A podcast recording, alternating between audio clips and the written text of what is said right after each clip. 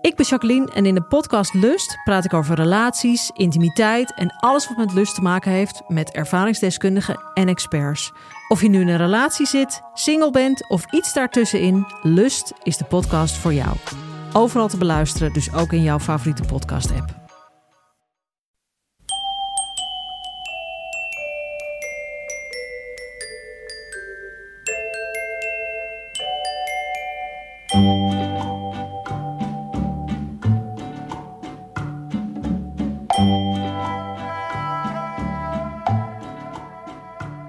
Welkom bij aflevering 265 van Echt Gebeurd, podcast met waargebeurde verhalen. Verteld door de mensen die ze zelf hebben meegemaakt.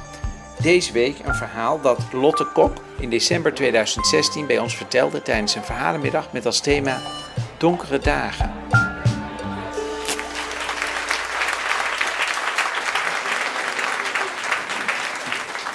Oma's hoeven eigenlijk niet zoveel te doen.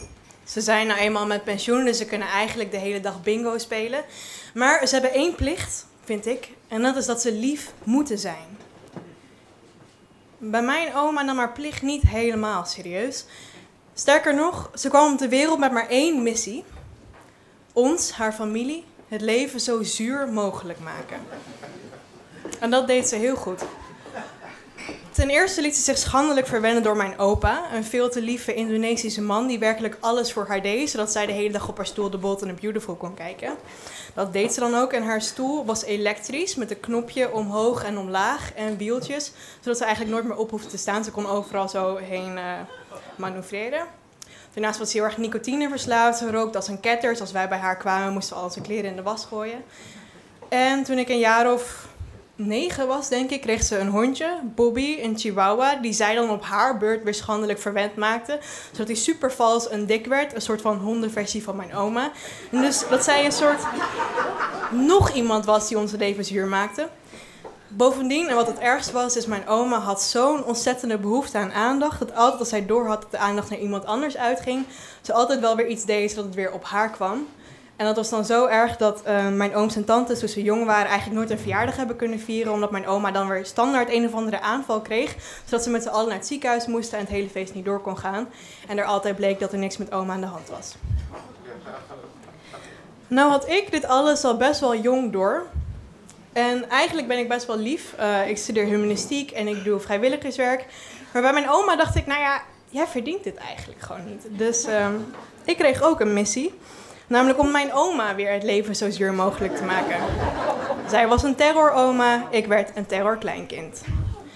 Ik was uh, een kleuter. En toen had ik al door, nee, oma die kan niet zonder de sigaretten. Dus op een dag heb ik besloten, ik ga stiekem als ze niet kijkt alle sigaretten verstoppen. En toen kwamen mijn uh, mama en papa me weer ophalen. En toen we eenmaal thuis waren, belde mijn oma echt furieus en eiste dat ik terug zou komen om die sigaretten weer um, tevoorschijn te toveren. Want ze wist donders goed dat ik het had gedaan. Um, dus heb ik s'avonds laat nog alle sigaretten uit de tuin moeten opgraven.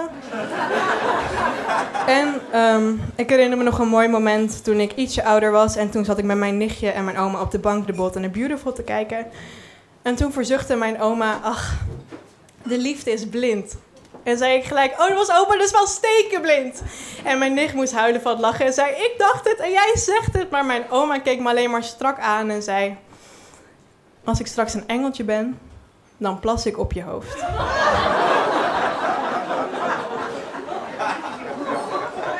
nou ging mijn opa dood toen, uh, toen ik een jaar of elf was. Maar mijn oma bleef nog heel erg lang leven. Uh, op een gegeven moment kreeg ze zelfs een rare verhouding met uh, een veel jongere man uit haar straat. Henk, een hele lange man met krullen. En uh, die was opeens gewoon altijd bij oma. Die altijd met haar mee en die zat dan altijd bij haar aan tafel te roken en te eten. En hij had een mening over de hele familie. En oma begon Henk uh, extravagante cadeaus te geven. Echt een tomtom -tom en zo. Terwijl ik altijd maar een schamele 2 euro kreeg voor mijn rapport. Dus uh, ik trok het allemaal niet zo goed.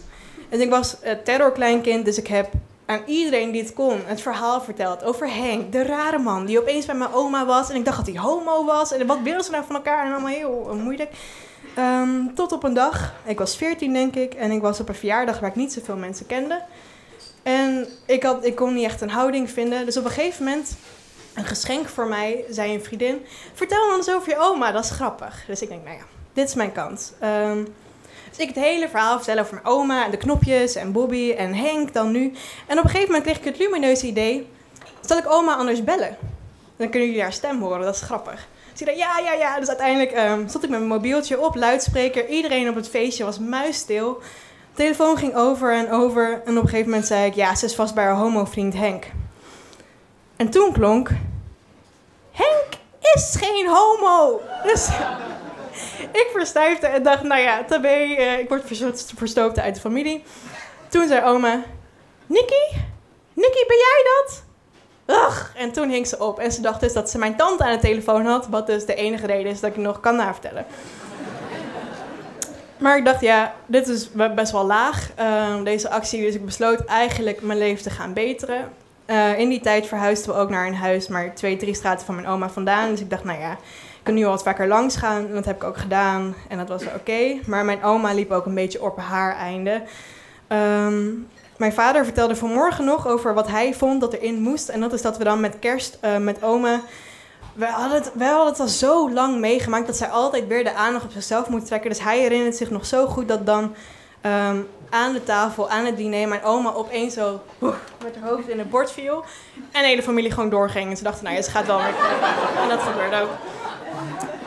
En op een dag hebben mijn nichtje en ik um, kip tandoori voor haar gemaakt. En heel erg ons best gedaan. Het was specialiteit van mijn nichtje. En toen nam mijn oma een hap en vroeg hij, vindt u het lekker oma? En toen zei ze, nee. En toen at ze niet meer verder. En toen hadden wij het ook echt gehad. Tenminste, ik dacht echt, nou, weet je, het is goed geweest. Uh, ik trek mijn handen er vanaf. Maar toen ging oma echt dood. Dat was een beetje gek. Toen moesten we opeens haar huis ontruimen en strookjes trekken om wie Bobby dan zou krijgen. En iemand moest spreken op de begrafenis. Nou, ik dacht, ik vind dat niet zo heel erg. Uh, ik doe het wel.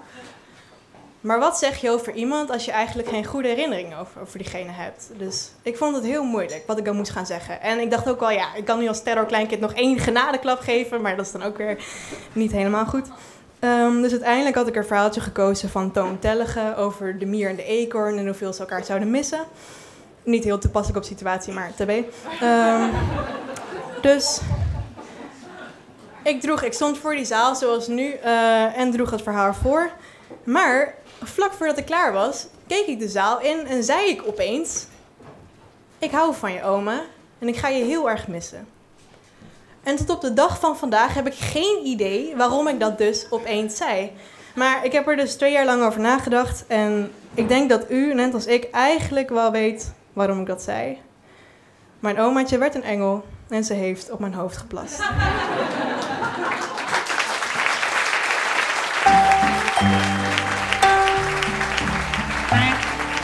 Je hoort een verhaal van Lotte Kok. Lotte is schrijver. Haar debuutroman Skydancer verscheen in 2018 en ze werkt nu aan een tweede roman, die naar verwachting volgend jaar uitkomt. Volg Echt Gebeurd op de sociale media. We posten nieuwe podcastafleveringen en nieuws over aankomende verhalenmiddagen op Twitter, Facebook en Instagram. Maar de beste manier om op de hoogte te blijven is je opgeven voor onze nieuwsbrief. Die vind je op onze website www.echtgebeurd.net.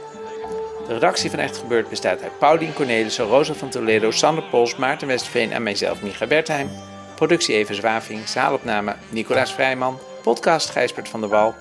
Dit was aflevering 265. Tot volgende week. En vergeet niet, oma's hebben maar één plicht: lief zijn.